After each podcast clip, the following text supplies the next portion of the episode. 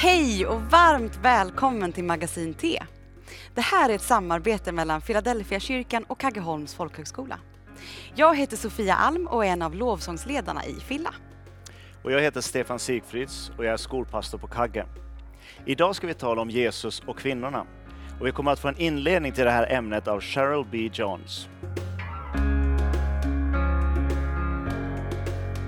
My name is Cheryl Bridges Johns, and I've been asked to talk to you for a few minutes regarding Jesus and women, and it's my delight to do so. I often like to say that Jesus did not get the memo in regards to how to treat women, and what I mean by that is the, the cultural memo, the uh, unstated and often stated ways in which society relates to women. Jesus came into a Middle Eastern culture at the time when there was uh, what we would call the Greco Roman uh, world, as well as in the uh, area of Palestine where there is the Jewish culture. So, where Jesus came as the incarnate Son of God, he came into sort of a crossroads between these two cultures the Greco Roman culture had a very low derogatory view of women, and this comes out of the ancient Greeks who understood that men were more rational, therefore more perfect and related to the ideal, and women were less rational. So, women were in many ways deemed inferior to men. As a matter of fact, for the ancient Greeks, women were almost like a separate species from men. They were seen as closer in their disposition uh, to animals than they were to men. They were women were seen as driven by their passion. Men were, were thinking creatures. Women uh, needed to be kept at home, uh, and men could be out in the polis or in the public. The Jewish culture uh, comes from a very rich and wonderful understanding out of Genesis 1 of women and men both being made in the image of God. However, after the fall, you see the rise of patriarchal culture in this part of the Middle East, uh, the uh, patriarchs, and where women were seen more for their value in childbearing. Women were a part of the patriarch's home and the household, and the household that was ruled over by uh, the male elder of the clan or the tribe or the home. And women were valued most profoundly for childbearing. And to be part of the Abrahamic covenant was to bear the sons of Abraham, and therefore being a woman who did not bear sons meant that you had very little participation in this covenant. Sometimes we've heard it said that a Jewish elder male would pray that he was thankful that he was not a woman, and this was a way of saying that it was not um, good to be a woman and it was much better to be a man.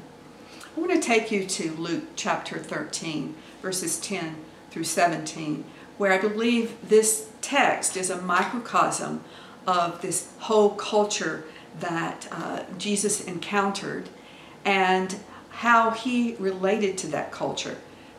If you were to go to your Bible and look at the heading on the side of this unit, it would often say, Jesus heals a woman in the synagogue, or Jesus heals on the Sabbath.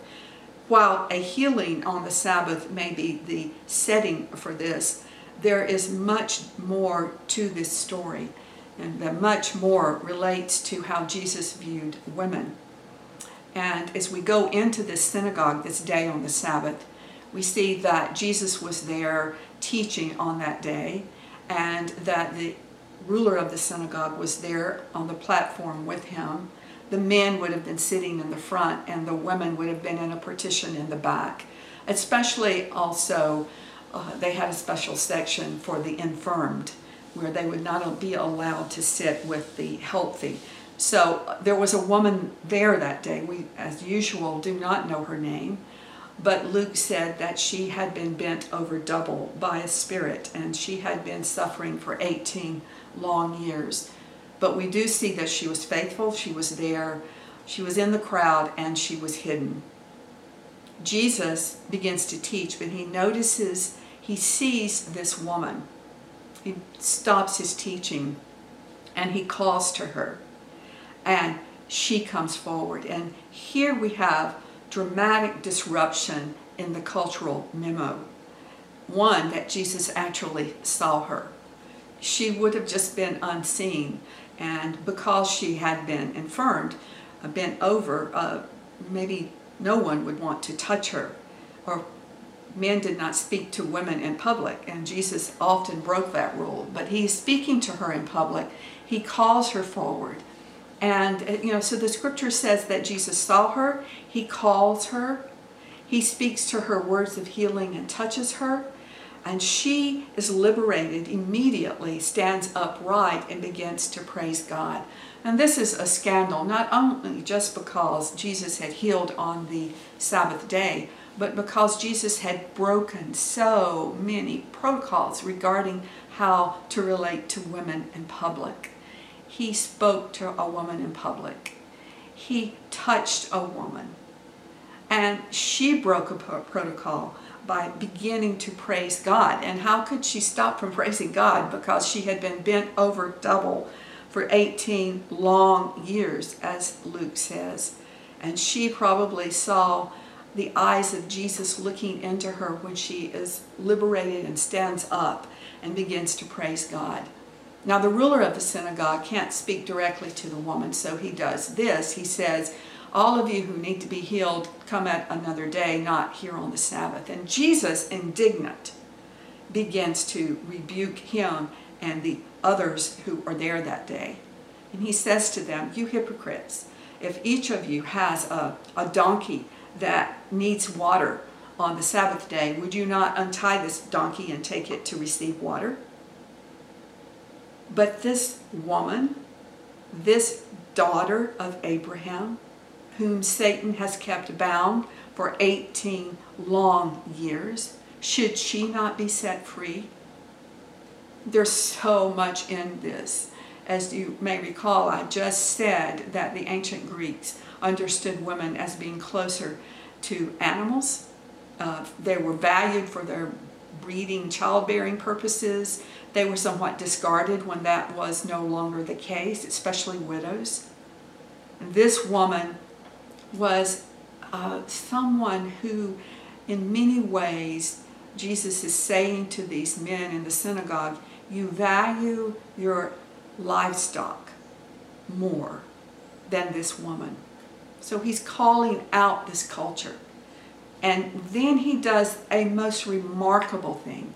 He says to them, This woman, this daughter of Abraham, he names who she is.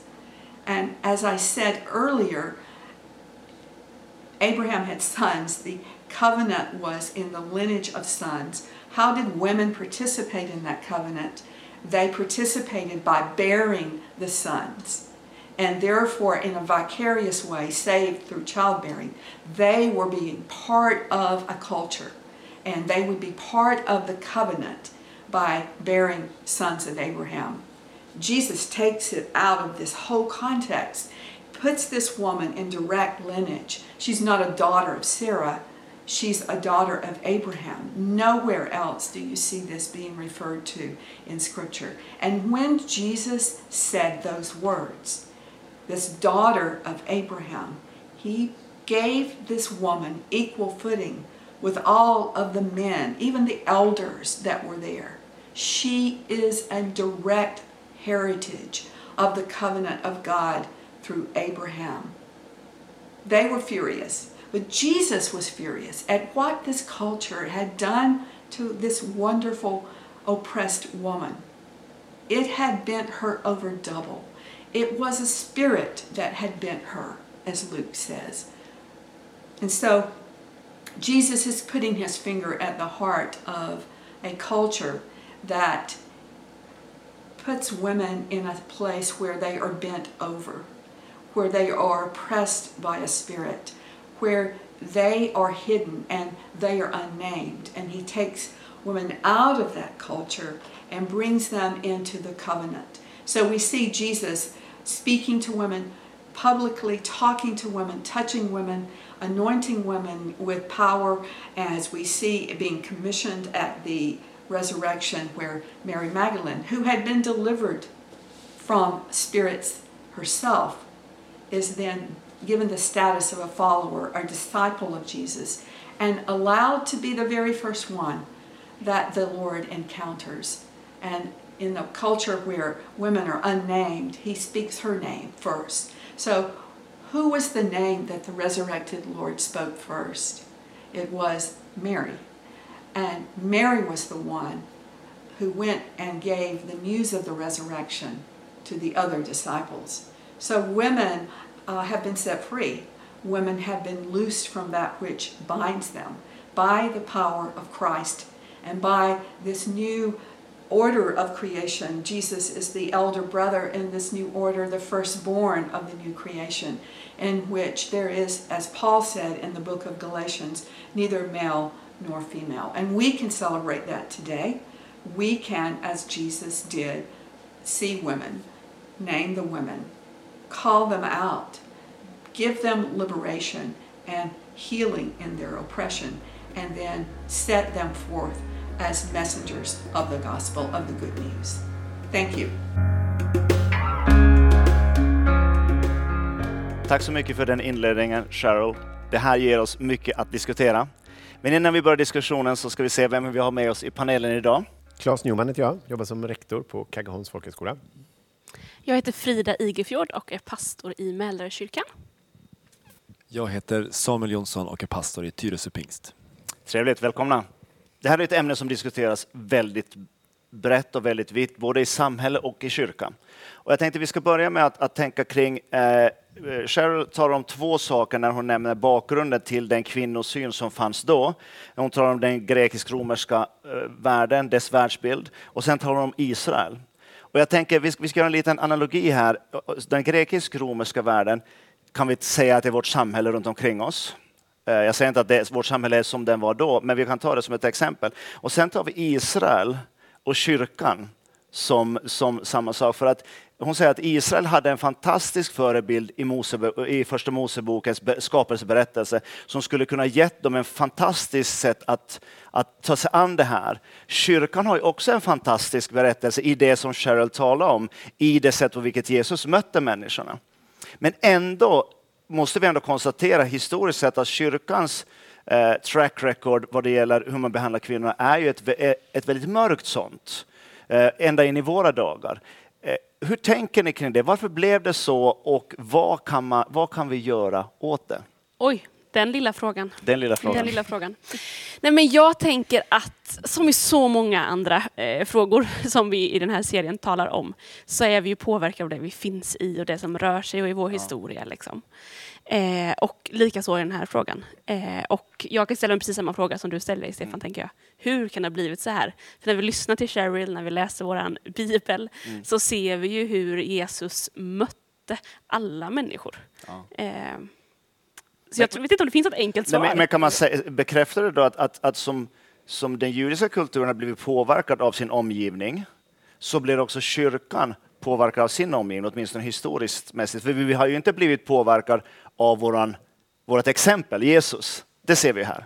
Är det så man kan uppfatta det? Ja, men jag tror att det skulle kunna vara ett sätt att förklara det hela, absolut. Jag tänker också att när man pratar om det här så måste man på något sätt väga in eh, synden i bilden. Ja. Eh, därför jag tänker, hon nämner ju det också i skapelseberättelsen så ser vi någonting väldigt vackert, någonting jämbördigt, någonting fint som sen bryts i synden och det blir patriarkalt, ett patriarkalt samhälle som växer fram mer och mer. Eh, och jag tänker att det där är ju människans ständiga plåga. Vi lever i den världen och även vi som kanske är kristna eller även om man tror på Jesus så är man fortfarande en del av den här världen. Och vi bär på den här böjelsen som alltid dras in åt det här hållet. Så jag tänker att man måste gå till någon sorts syndaperspektiv och se att det är någonting där som vill dra oss tillbaka och samtidigt så ser vi ett befriande exempel i Jesus som vi kan följa eh, och själva bli befriade av. Och jag tänker också att det här relationen mellan kyrkan, kyrkans praktiker och vittnesbörd och världen runt omkring och den rådande kulturen. Det är någon sorts spänningsfält där som skiftar lite genom historien. Det har inte konsekvent varit så att kyrkan alltid släpar efter. Tidigt i väckelserörelsen, frikyrkorna, pingströrelsen så var man nästan före samhället i att släppa Ja. fram kvinnor i ledande positioner och som talare och så vidare. Innan kvinnor hade rösträtt i det svenska samhället och liknande så fick man rösta i församlingsmötet. Exakt. Så, men nu de senaste decennierna, då känns det som att vi har släpat efter och hamnat i något konstigt läge där vi ska vara konservativa och bevara någonting som inte alls är liksom så progressivt som det Jesus står för, precis som Cheryl beskriver. Liksom. Och det är ju det är sorgligt. Men kan man ta, om man tar synden som Samuel var inne på, kan man då föra över synden i form av makt? Alltså när du har en väckelserörelse som kommer fram, då är, då är det något nytt som händer liksom, och det blir en viss reformation. Men när den stabiliseras eller, eller, eller kanske stagnerar så blir det mera vaktande på maktpositioner och där tenderar männen kanske tydligen att ta över. Kan det vara så? Om vi tänker pingströrelsens historia som du var inne på. Är det, Ja, makt, är det makt det är frågan om? Ja, det, det kan väl... Jag är lite för dåligt insatt för att göra den analysen, men man kan ju ana något av det du säger i liksom att när en rörelse kanske stelnar och blir mer etablerad så blir det mer av att då blir den gärna mer konservativ och mindre progressiv. Och en, den tidiga pingströrelsen och väckelserörelsen eh, som drevs framåt av, av en verkligen väckelse och, och en annan typ av dynamik. Där sprängde man fler vallar och vågade tänka nytt även i de här frågorna på ett sätt som ju är mycket fräschare än det som kanske sen har kommit att prägla de sammanhangen i, i någon mån. Jag vet inte. Verkligen. verkligen. Ja, men Jag tänker maktperspektivet är ju, det är ju verkligen en av de tre stora huvudproblematikerna vi möter. Pengar, sex och makt, alltså, eller problematik, men, men det vi brottas med på olika sätt. Så jag tänker att det är ett fullt rimligt antagande att makten liksom korrumperar steg för steg om man inte är vaksam över det. Men tan- tanken är, hur kommer, vi, hur kommer vi bort från den här, den här situationen? Jag, jag håller med dig som, som du säger Claes, att jag, jag upplever att vi släpar efter om vi tänker kyrkan och, och samhället så tycker jag att vi släpar efter här idag. Och när, jag, när, jag, när jag läser de här bibelställena, kommentera gärna på det, så, så tycker jag att vi läser Paulus och vi läser Jesus. De säger inte så mycket som upprättar kvinnan, men de gör enormt mycket som upprättar kvinnan. Eh, Hur, hur, hur ska man tänka där? För ibland tänker jag så att vi, vi gör en del statements, liksom att nu ska vi ge rum för kvinnor och man gör kanske på konferenser och så vidare. Men det är mycket ord och väldigt lite verkstad. Hur, hur, kan man tänka där? Om vi tänker att vi vill ändra på det här. Skulle det idag ibland kunna vara nästan tvärtom om man gör en liten snabb eh, bara ref reflektion? Att vi kanske pratar om det ganska mycket, men vad är det vi ser? Exakt. När vi tittar oss runt omkring. Eh, och där tror jag att där måste det ju alltid gå hand i hand. Mm. Eh, för att ganska ofta så talar ju våra handlingar mer än våra ord. Exakt. Eh, Ja, jag, jag, jag som har ett, ett finlandssvenskt perspektiv eh, och kommer från Finland. Eh, I Finland talar man, i Sverige talar man mer om kvinnors rätt, det tycker jag generellt i samhället. Eh, men eh, det gör man kanske inte så mycket i Finland, men vi har fyra, fem partiledare som är kvinnor. Vi har en, en, en eh, som, som leder vårt land som är en kvinna. Och, och eh, det, det är det jag tänker, att, att, att talar vi mera än vad, det verkligen, än vad vi verkligen gör? Jag skulle vilja pressa lite på den, den, den punkten. Ja, men det kanske är så, liksom mycket snack och lite verkstad och sådär. Samtidigt så tycker jag det finns positiva tendenser om, om vi pratar våran kontext och, och frikyrka och sådär. Det kom någon rapport nu om ökande andel kvinnliga föreståndare i församlingar och att de siffrorna ändå går uppåt, går åt rätt håll. Det finns fortfarande ett problem, men, men det, jag tror någonting håller på att förändras. Och man Ja. skulle önska att det gick snabbare. Eh, men, men Ja, det släpar lite så. Eh, det gör det ju. Och, och det är alltid risk att man snackar mycket och inte åstadkommer verklig skillnad förstås. Men får jag fråga då, är det, är det fortfarande så att en... Okej, men vi kan, vi kan öka, vi kan driva fram fler kvinnliga ledare, men, men de kvinnliga ledare som vi driver fram ska fortfarande ha mer av de manliga attributen, om man tänker på det oskrivna genuskontraktet som man pratar om, finns i samhället. Har vi fortfarande en för snäv bild av vad en föreståndare eller en pastor är? Att det fortfarande är ganska de här den manliga pastorsbilden, visst vi kan ha fler kvinnor men hon ska översättas in i den här bilden. Det är ju en superintressant fråga. Jag tänker det är ju intressant att höra vad du tänker Frida. Som är en, en, eh, du står ju i en sån typ av pastortjänst som kvinna. Hur uppfattar du det där som, som sägs?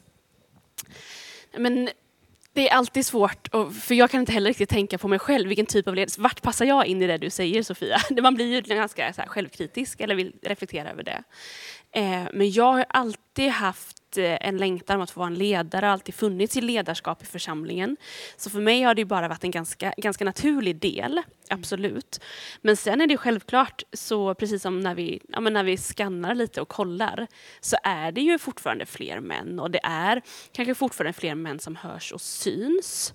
Eh, och, ja, jag vet inte. Jag tycker det är jättesvårt. Men visst är det så som du är inne på att vi har kanske en lite för snäv bild av vad är en pastor eller vad är en föreståndare. Och det är en bild som vidmakthålls av både män och kvinnor i ganska hög grad. Man förväntar sig av en föreståndare hur det ska låta, hur det ska vara. Mm, alltså, mm. Vanans makt är stor. Mm. Men jag tror också att den snävheten drabbar kanske främst kvinnor då, men inte bara. För det finns också män som inte eh, passar in i den stereotypen men som har väldigt mycket att bidra med.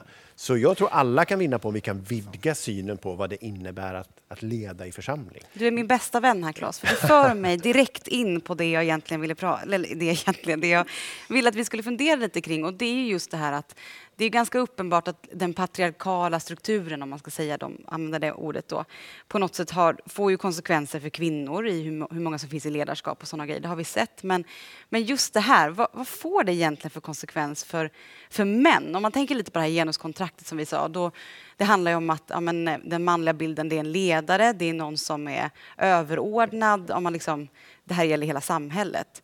Och, och så ska vi prata om att Jesus är herre i ditt liv. Du ska, du ska böja dig för Jesus, du ska underordna dig Jesus. Och vi, vi pratar om tillbedjan där jag böjer mig inför honom.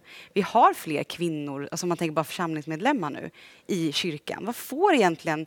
Jag tänker att det kan vara ganska allvarligt att vi har låtit det patriarkala komma in i kyrkan. För hur möter den här mannen Jesus? Liksom? Om man skulle stanna lite i det, vad tänker ni då? Alltså, jag, när du talar nu så börjar jag tänka på alla andra grejer som, vi ibland, som jag kan känna att vi saknar ibland i just speglingen i ett ledarskap. Det är inte bara män och kvinnor utan jag tänker också att vi kan tänka liksom, om vi ser på våra etniciteter, vilka människor är det som syns, hur, hur ser det ut? har alla möjlighet att känna att de här hör jag hemma. Man brukar säga ganska ofta att det jag ser på estraden, eh, det hjälper mig att känna mig hemma. Liksom. Mm. Och där tänker jag att vi behöver tänka både att, att vi, män och kvinnor får plats, men också kan, olika åldrar och olika etnisk bakgrund och så vidare. Um.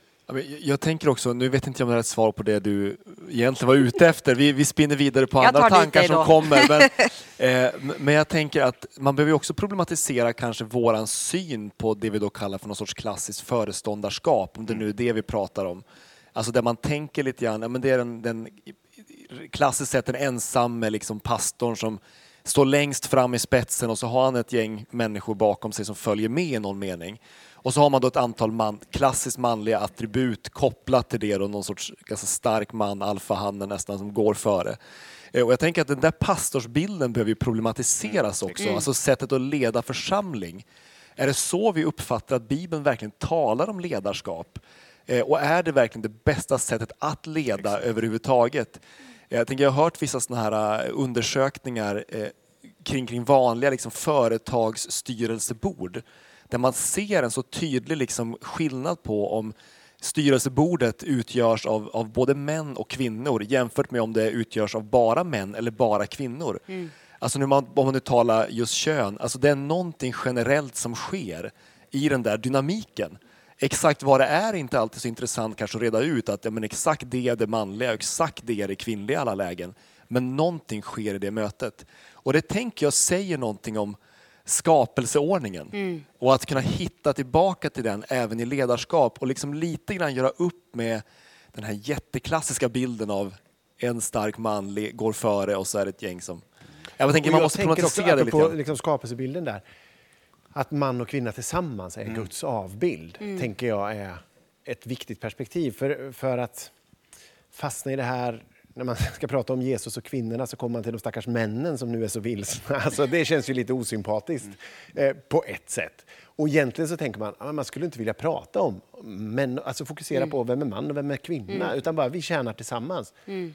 Men det finns ju ett behov av att prata om det för att vi inte lyckats gestalta det på ett jämbördigt sätt. Det finns ju en privilegierad grupp och en underprivilegierad Mm. grupp. Och det är det vi behöver fokusera på om vi ska komma till rätta med problemet och komma dit här att vi kan prata säga, men låt oss inte fokusera på om det är män eller kvinnor utan bara känna tillsammans. Det kan vi ju göra när vi har ett, en jämställd situation, men fram tills dess så behöver vi jobba en del med att komma till rätta med obalansen, tänker jag. Liksom. Men jag tänker också det du, jag, jag förstår vad du menar, vi pratat lite om det också, att ska man ens ta upp den här frågan, det är liksom kvinnor vi ska fokusera på, men jag, jag tycker att det finns relevans i att förstå att lyfta kvinnan är inte bara att kvinnan hamnar högre, utan det finns, i det finns en, en stor en rikedom också för att närma oss det här läget där vi är människa. Vi är Gud och vi är människa. Att, och det är därför jag vill lite komma åt, men jag är lovsångsledare. Det, för mig att få den här mannen, 50 år, att, att liksom på något sätt hamna i den här liksom ödmjuka och kanske brutna egentligen, när man är helt surrender till Jesus.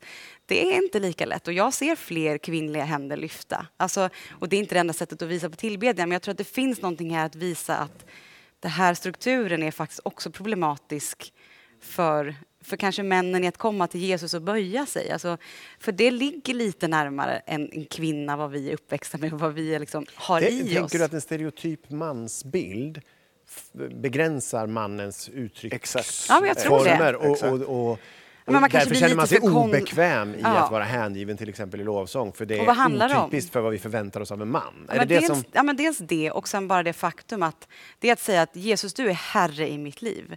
Jag är inte ledaren längre. Mm. Och det här är liksom den kvinnliga bilden är vi, liksom, vi har det någonstans i det här genuskontraktet att vi är inte ledaren. Men där, ligger, där tänker jag, där ligger ju nyckeln till att komma till rätta med Ja, de här problemen. precis. Män som vågar säga, det är inte jag som Mm. är viktigast. Det är inte jag som är först, det är inte jag som ska vara främst. Utan jag underordnar mig Jesus och jag vill följa hans exempel i mötet med både män och kvinnor. Mm. Där tänker jag någonstans att där finns det väl ändå en nyckel till att hitta till att komma som den man är, Mm. oavsett om man är man eller kvinna, men också bejaka och lyfta varandra. Mm. Och då kanske de här mjuka liksom. värdena kanske skulle hjälpa att liksom Ja, det här Jesus Exakt, egentligen alla värden, men om, om vi tänker, om vi tänker food, alltså att, att fortsätta den här diskussionen hemma så, så, så problemet är inte man och kvinna, utan Nej. problemet är våra stereotyper och eftersom vi har, stereotyperna är skadliga både för män och kvinnor. Precis. Sen finns det ett, ett de facto eh, behov att lyfta kvinnor, absolut, det, det tror jag vi alla är rörande eniga om. Men, men attacken blir mot stereotyperna, för att stereotyp är ju en sån att ingen till sist känner sig hemma. Nej. Därför att ingen passar in i mallen. Nej. Och det blir på något sätt, eh, om, om man tänker att vad, vad vi skulle kunna göra är att att vi, vi har ju som juden hade också en fantastisk bild i skapelseberättelsen.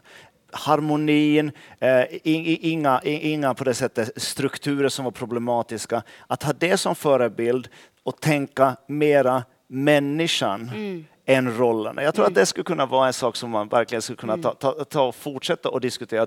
Hur gör vi det här? Inte, inte ha, gå från en fallgrop till en annan fallgrop, utan på något sätt kunna ta det här vi är alla olika. Och eh, vi får vara det för Gud. Och allt det vi har, man och kvinna tillsammans, är ändå, som, som du var inne på Claes, det är Guds avbild. Mm. Och det säger ju, alltså Jesus är så tydlig, nu är du inte man eller kvinna, jud eller grek. Alltså Eller han, han ger oss ju det här, bara här, att det finns en sån frihet för vårt samhälle i att vet du, vad, du är människa och det är Gud, det är där den skillnaden vi har. Det är liksom Gud, människa och han kommer till dig som Kanske vi, människa. gjorde, kanske vi gjorde ganska klokt i att fatta det. Ja. Det, skulle vara, det kan, kan vara en bra rekommendation till oss alla. Och jag tror att fortsätt det här samtalet i ödmjukhet, inte vakta på positionerna, utan verkligen ärligt tala om både i församlingsmiljö och hur vi, hur vi bygger upp vårt samhälle. Jag tror det är en jätteviktig viktig diskussion att föra vidare. Tack ska ni ha.